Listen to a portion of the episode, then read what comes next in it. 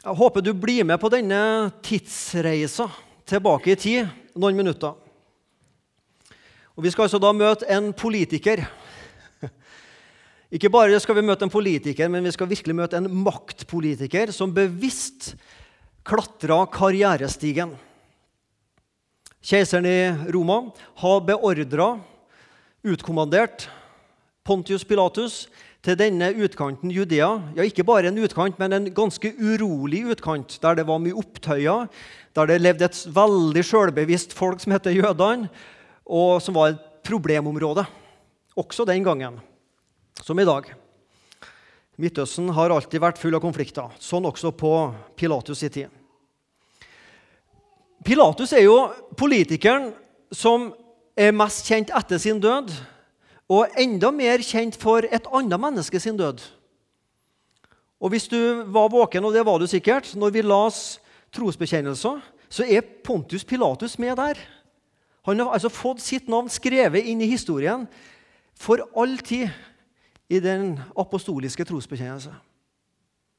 Så det er ikke en hvilken som helst politiker vi snakker om her. altså. Guvernøren, landshøvdingen, Pontius Pilatus. Vi er på ei tidsreise, og håper ikke du er for mye B-menneske. Altså, Du må gjerne be, være mye B-menneske sånn, men håper ikke du er for mye B-menneske, for vi skal tidlig opp. Klokka er ca. seks om morgenen. Jerusalem. Og Vi skal møte, vi er usynlige til stede da, vet du, som tidsturister. Og møte Pontius Pilatus, Barabbas og Jesus. Velkommen til en høyst usedvanlig dag i verdenshistorien. Disse tre personene, Pontius Pilatus, Barabbas og Jesus, som det er knytta så mange følelser og assosiasjoner til disse navnene Smak på Pilatus, smak på Barabbas. og Du kjenner bare en sånn vond smak i munnen din. Å uttale de navnene der i kirkehistorien det er nesten som å si Anders Behring Breivik i dag. Det er ikke godt å si det.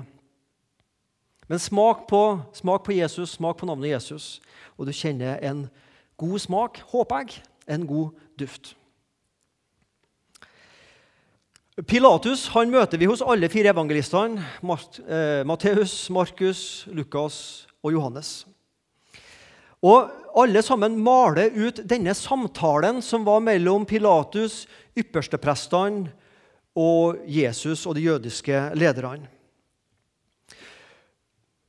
Og Det som slo meg når jeg skulle prøve å sette meg inn i Pilatus sin tankeverden, det er hvor mange spørsmål han stiller.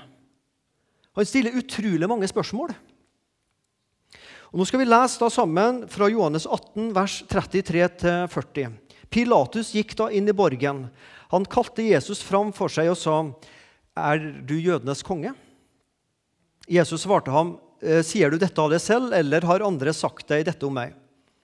Som en god trønder vet du, svarer på et spørsmål med et nytt spørsmål. Det står ikke i teksten, men jeg bare leste inn her. Pilatus svarte, jeg er, 'Jeg er vel ikke jøde. Det er ditt eget folk og yppersteprestene som har overgitt meg, deg til meg.' 'Hva har du gjort?' Jesus svarte, 'Mitt rike er ikke av denne verden.' 'Var mitt rike av denne verden, da hadde mine tjenere kjempet, så jeg ikke skulle bli overgitt til jødene.' 'Men nå er mitt rike av denne verden.' 'Men nå er mitt rike ikke av denne verden.' Pilatus sa det til ham. Men, konge er du altså? Jesus svarte, du sier det, jeg er konge. Til dette er jeg født, og til dette er jeg kommet til verden, at jeg skal vitne for sannheten. Hver den som er av sannheten, hører min røst. Pilatus sier til ham, hva er sannhet? Og, han, og da han hadde sagt dette, gikk han igjen ut til jødene og sa til dem, jeg finner ingen skyld hos ham. Pilatus stiller mange spørsmål, og Pilatus ønsker egentlig å få frigitt Jesus. Jeg, jeg las alle fire evangeliene der det står om Pilatus, flere ganger. Og, og, faktisk så fikk jeg et mer positivt bilde av Pilatus enn jeg noen gang hadde før. For han vil virkelig frigi Jesus. Det står Han vet det er av misunnelse jødene har overgitt han til Jesus. Han har et dypt ønske om å få frigitt Jesus, og likevel gjør han det ikke. Hvorfor? Jeg tror du skal få svar på det i løpet av andakten her. Hva er sannhet? Pilatus sier til Jesus, 'Hva er sannhet?' Vi har jo bare orda, vi har jo ikke toneleie, så vi vet ikke om Pilatus er ironisk. Hva er sannhet? Eller om han er litt søkende. Hva er sannhet? Om han var ironisk, eller om han var dypt sannhetssøkende, det vet vi ikke. Mulig begge delene. Ja, hva er sannhet? Hva er ekte? Hva er virkelig? Og ikke bare det, men hva eller hvem bestemmer hva som er sant? Ja, ikke det sjølsagt, da? Nei. Ja, ikke sjølsagt hva som er sant? Vel, ikke alltid. I filosofi og i livssyn så brukes gjerne følgende to begreper subjektiv sannhet og objektiv sannhet. Subjektiv sannhet og objektiv sannhet. Subjektiv sannhet det handler om hva jeg føler er riktig for meg. Det som jeg mener er sant for meg. Og Da er det ofte mine følelser og opplevelser som bestemmer om noe er sant. Sannheten gjøres personlig. Subjektiv sannhet. Og kristen tro er I kristen tro så er sannheten personlig på den måten at det er en person. Det er bare ikke du og jeg som er subjektet og personlig, det er Jesus. Så ja, kristendom er en subjektiv sannhet, men da er det Jesus som er sannheten, og ikke deg og meg og dine og mine følelser som avgjør hva som er sant. Objektiv sannhet det er noe som er sant i seg sjøl, uavhengig om jeg føler at det er sant for meg. Det er sant for alle og til alle tider, uavhengig av følelser. Noe utenfor meg har bestemt hva som er sant. Vi kan ta de ti bud. Du skal ikke drepe. For å karikere deg kan si ja, men jeg føler at det gjelder ikke meg. Jeg vil heve meg over det.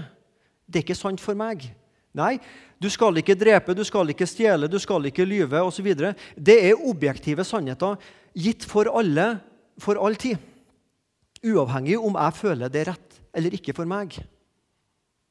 Nå føler jo sannsynligvis 99,99 ,99 at det er sant for dem også. da. Men dette er forskjellen på subjektiv og objektiv sannhet. Hvem bestemmer hva som er sant? Hvem bestemmer hva som er sant og virkelig og rett i den virkeligheten vi lever? Ja, det er man heller ikke enig om. Det var voldsomt hva den forsamlingslederen skulle problematisere i dag, men uh, bli med på tankerekka. Det kan være jeg som bestemmer hva som er sant. Subjektiv sannhet. Men da blir sannheten privat. Det blir min sannhet. Men hvis sannheten blir privat, så får du jo også mange sannheter. For når alt er sant, så er ingenting verken sant eller galt. For noe er sant for meg, og noe annet er sant for deg. Og alt blir sant. Ja, Men da er jo ingenting galt heller. Da får vi mange sannheter.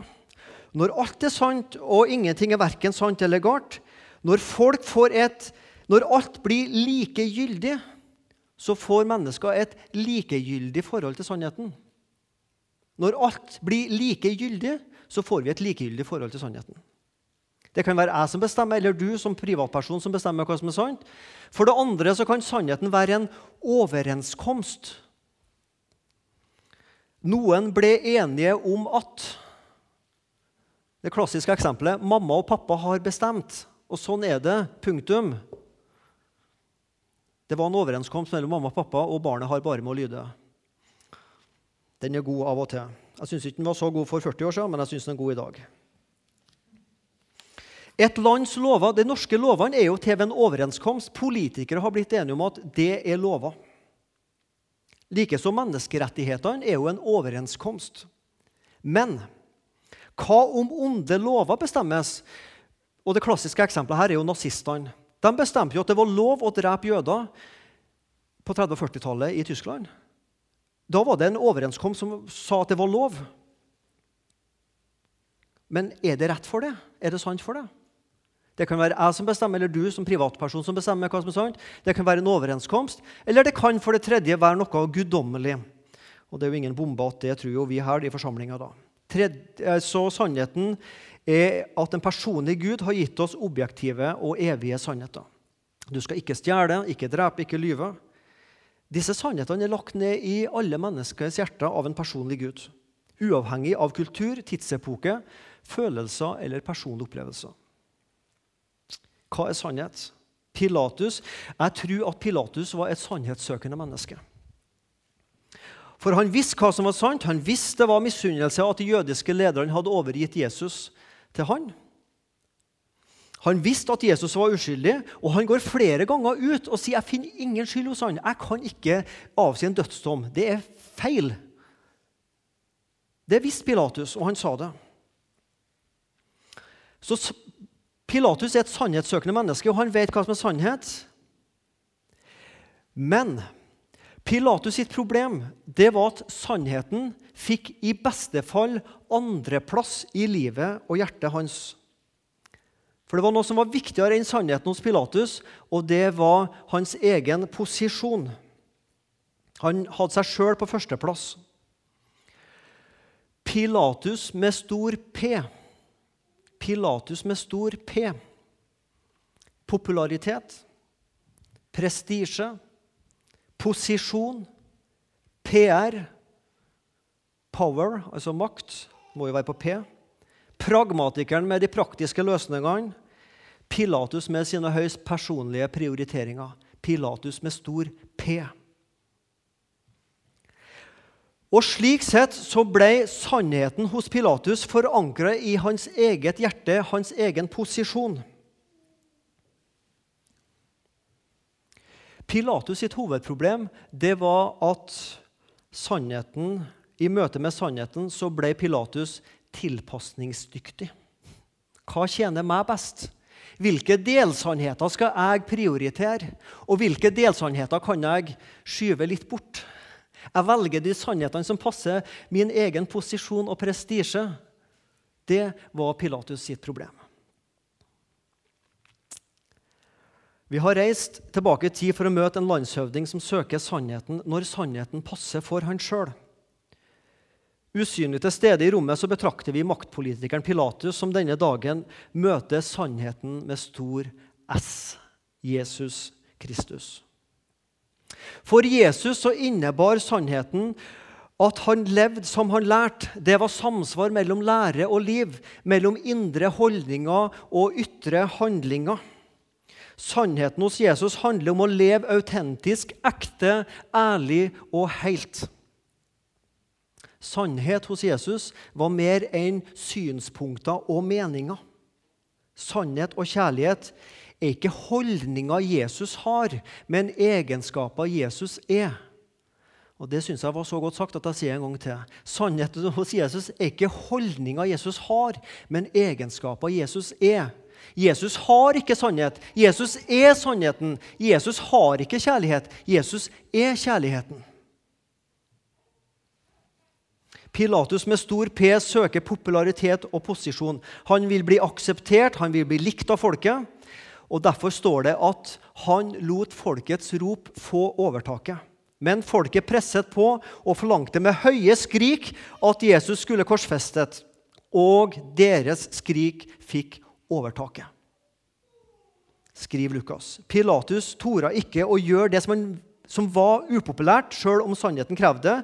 Sannheten måtte vike for det å bli akseptert. Sliter du, eller sliter jeg, med det å ønske å være akseptert. Er det viktig for deg å være akseptert? Å være godt likt? Hva måles aksept og popularitet på i 2012? Kanskje for dem som er flittige på Internett og Facebook, og sånn, så handler det om hvor mange likes man får på Facebook. Hvor mange SMS-er du får tilsendt kanskje i løpet av en uke. Det handler om å være sett, om å få kommentar på klær, huset, bilen, Utseende, brunfarven etter sydensola. Håper dere tenker på meg når jeg sa akkurat den setningen der. At andre ser og kommenterer de gode gjerningene jeg gjør, er ikke det som vi ofte måler popularitet på. da? Hva er sant? Hva er ekte? Hva er viktig når alt kommer til alt? Er det å være likt og akseptert av mennesker rundt meg? Ja, Det er en fin ting, det. Men enda viktigere å stå for sannheten og følge sannheten med stor S.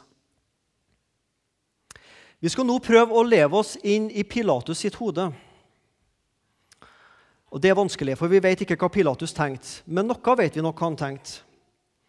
En forkynner på Sørlandet en tidligere forkynner, skrev for noen år siden et, en bok som han ga tittelen 'Jesus fra Nasaret'. En bok jeg leste for noen år siden, en liten bok, men med et stort og viktig innhold.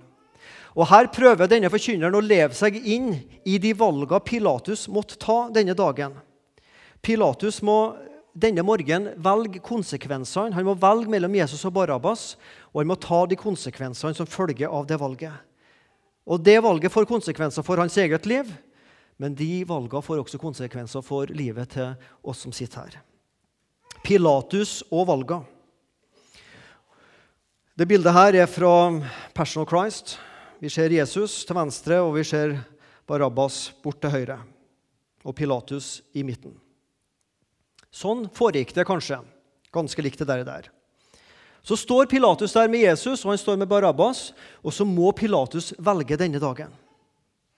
Og Denne Forkynneren på Sørlandet har da skrevet litt utførlig om dette og prøvd å tenke seg inn i Pilatus sin tankeverden. Pilatus vet som sagt at det er av misunnelse de jødiske lederne har overgitt Jesus til han, og han vet at Jesus ikke har gjort noe som fortjener dødsstraff. Pilatus prøver virkelig å få frigitt Jesus. Og så ser han en utvei. Jeg lar folket velge mellom Jesus og morderen Barabbas.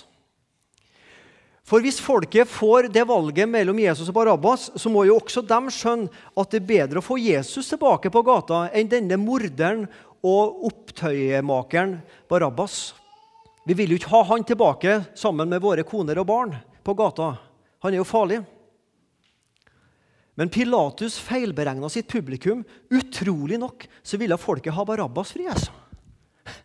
Alt det gale han hadde gjort, og alt det gode Jesus har gjort. Og så velger de altså Barabbas. Sett fra menneskelig synspunkt det er jo helt bak mål. Morderen, opprøreren. Det er ufattelig at de valgte Barabbas. Så står Pilatus der med Guds sønn på den ene siden og morderen Barabbas på den andre. Og i Pilatus' hode, muligens, så kommer følgende spørsmål opp. Jesus, hvis jeg velger deg, hva kan du gi meg? Hva får jeg, Jesus, hvis jeg velger deg? Og Barabbas, hva får jeg hvis jeg velger å frigi deg? Hva kan du gi meg? Mulig Pilatus tenkte sånn. Først så spør, Jesus, eh, eh, først så spør Pilatus Jesus, 'Jesus, hva kan du gi meg hvis jeg gir deg fri?' Og Jesus svarer, 'Jeg, Pilatus, jeg kan tilgi deg.' Jeg kan gi deg en ny start på livet. Jeg kan velsigne livet ditt, jeg kan velsigne hjemmet ditt, familien din. Jeg kan faktisk fri deg fra frykten som fyller livet og tjenesten din. Og Vi observerer at Pilatus blir ganske nysgjerrig. Er det mer du kan gi meg, Jesus? Ja, svarer Jesus. Det er mer. Til slutt så kan jeg gi deg evig liv, og jeg kan gi deg himmel. Men eh, hva koster det? Lurer Pilatus på. Koster ingenting. Det er gratis. Det er nåde. Vel, det koster hjertet ditt, for jeg vil ha livet ditt. Og så kan det det kan koste deg forfølgelse og hån. Så snur Pilatus seg mot Barabbas og spør det samme spørsmålet. Barabbas, hva får jeg hvis jeg velger å gi deg fri? Og muligens så svarer Barabbas Pilatus. Pilatus, jeg kan gi deg all verdens lyster og gleder, Pilatus. Du kan få nyte livet, og så kan du få glemme at livet er kort. Pilatus han ser betenkt på Barabbas, men spør er det mer du har å gi meg, Barabbas. Ja. Jeg kan lære deg Pilatus å synde mot de ti bud, og jeg kan gi deg god samvittighet til å leve etter dine egne lyster. Og til slutt så vil jeg gi deg evig fortapelse og dødens rike. Ganske betenkt, men likevel nysgjerrig, så spør Pilatus hva, kost, hva koster dette her, da? Barabbas nøler med å fortelle hva det koster. Koster og koste, fru Blom. Bob, Bob. Ja, fortell meg hva det koster, insisterer Pilatus. Etter noen lange sekunder så kommer det til slutt fra Barabbas. Det vil koste livet ditt. Det vil koste sjela di. Tankene og lystene vil bli ureine. Jeg vil komme jeg vil ødelegge deg, familien din, livet ditt, og du vil bli min slave. Så må Pilatus velge mellom Jesus og Barabbas. Og Vi ser, vi som er usynlige til stede, at det sprenger seg på noen svetteperler i Pilatus' i panne. Han valgte denne dagen. Han må velge mellom sannheten eller popularitet og prestisje. Han valgte Barabbas. Han valgte feil. Folkets rop fikk overtaket. Hjertets dype, mørke rop etter nytelse ble sterkere enn de svake, små pip om sannhet. Å velge Livet ditt og livet mitt består av fullt av valg. Hver eneste dag er livet ditt og mitt fullt av valg. Det er de små valgene. Skal jeg ha hvitost, eller skal jeg ha Nugatti, eller hva skal jeg ha på brødskiva mi? Skal jeg ta på meg T-skjorte eller finskjorta? I dag var det valget lett, men du velger hva skal jeg ha på meg. Skal jeg sykle til jobben, eller skal jeg ta bil, eller hva skal jeg gjøre? Skal jeg se lokalnyhetene, eller skal jeg se riksnyhetene? Det er de små valgene. Men livet er av og til de store valgene. Hva skal jeg utdanne meg til? Hvem blir ektefellen min? Skal hvor skal jeg bo? Hvor skal vi bo? Hva slags livssyn bør jeg velge? Å velge krever mot, for valg ansvarliggjør oss. Da må vi ta ansvar for vårt liv. Valg har konsekvenser, og noen frykter å velge. Da jeg studerte teologi i Oslo, så tok jeg meg et halvt års pause for å gjøre noe helt annet. Og Da jobba jeg innen psykiatrien i Oslo med ungdommer som var schizofrene og hadde psykiske lidelser. Og Noe av det jeg la merke til, at mange av disse de var redd for å velge. De ønska helst at vi som ansatte skulle ta valgene for dem. For det å velge ansvarliggjør oss. Vi må ta konsekvenser av våre valg. Pilatus måtte også velge. Skal du bli med helt til slutt inn i hodet til Barabbas? Og igjen, dette er dikting, det står ikke i Bibelen. Men la oss tenke oss at det kanskje var sånn som dette her. Barabbas. Hans liv og skjebne ble på mange måter bestemt av andre sine valg av folket sitt valg. Vel, han valgte sjøl å gjøre opptøy og opprør og drepe en person. Det valgte han sjøl. Så han må ta konsekvensene av sine feilvalg. Men denne påskemorgen så går Barabbas fri fra Pilatus sin borg. Andre valgte han og i stedet for han. Vi vet ikke hvor Barabas gikk da fangevokteren låste opp lenkene med disse herlige ordene og tok av og kanskje klemma rundt halsen. Du er fri. Du er fri. Vi vet ikke. Kanskje gikk han tilbake til familien sin hvis han hadde en familie. Kanskje gikk han tilbake til de gamle svirrebrødrene og dem han gjorde opptøyer med hvis ikke de var fengsla. Vi vet ikke. Men la oss tenke oss at Barabbas denne dagen blir med dette påskefølget opp til Golgata. Han følger Jesus opp til Golgata. Og Hvis han gjorde det, så er jeg ganske sikker på at han gikk helt bakerst. Og flere meter bak de siste. Hvis han gjorde det, så ser han at tre kors reiser seg på Golgata. To røvere og Jesus midt i, som det står.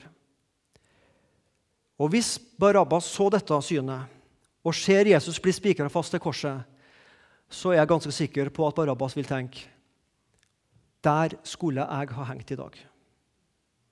Han som henger der, han henger der i stedet for meg. Det er min plass. Men én tok plassen min.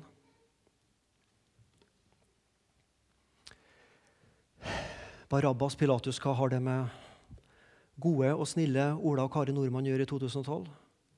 Mitt poeng er ikke å sammenligne deg og meg med Barabbas og Pilatus. først og fremst. Men det forteller jeg at historien om Pilatus og Barabbas egentlig historien om deg og meg. Du og jeg vi må også velge. Vi må også velge vårt forhold til Jesus. Vi kan si ja, vi kan si nei, men vi kan ikke ikke velge. La oss si jeg hadde en sjokolade her, da. og så har jeg sagt vil du ha denne sjokoladen. Så ville sannsynligvis de fleste ha sagt ja. Og Noen som tenker på kanskje en bilring, eller noe, ville sagt nei takk. Kanskje lørdagen, men ikke i dag. Men du kan ikke si 'nei, jeg avstår fra å velge sjokoladen'. Du kan ikke si det, for hvis du sier at jeg avstår fra å velge om jeg vil ha sjokoladen eller ikke, så har du jo valgt nei. Altså Det finnes jo egentlig bare ja eller nei på det spørsmålet vil du ha sjokoladen. Du kan ikke ikke velge. Og Sånn er det med Jesus. Vil du ha Jesus? Du kan ikke si 'nei, det valget vil ikke jeg ta'. Og hvis du sier det, så har du egentlig sagt nei til Jesus. Vi kan kun si ja eller nei til Jesus. Pilatus måtte velge. Barabbas måtte velge. I dag så er det du og jeg som må velge. Og jeg vet at de aller aller, aller fleste, kanskje alle av oss som sitter her, hva vet jeg, har valgt ja til Jesus. Men hver dag så må vi si 'Jesus, også i dag vil jeg følge deg'. Og for et liv vi får med Jesus. Vi kan si ja til sannheten, vi kan si nei til sannheten, men vi kan ikke avstå fra å velge. Og akkurat nå så tar du og jeg i vårt hjerte det valget for Jesus. Vil vi følge Jesus i dag? Lykke til med valget. Godt valg, som det heter.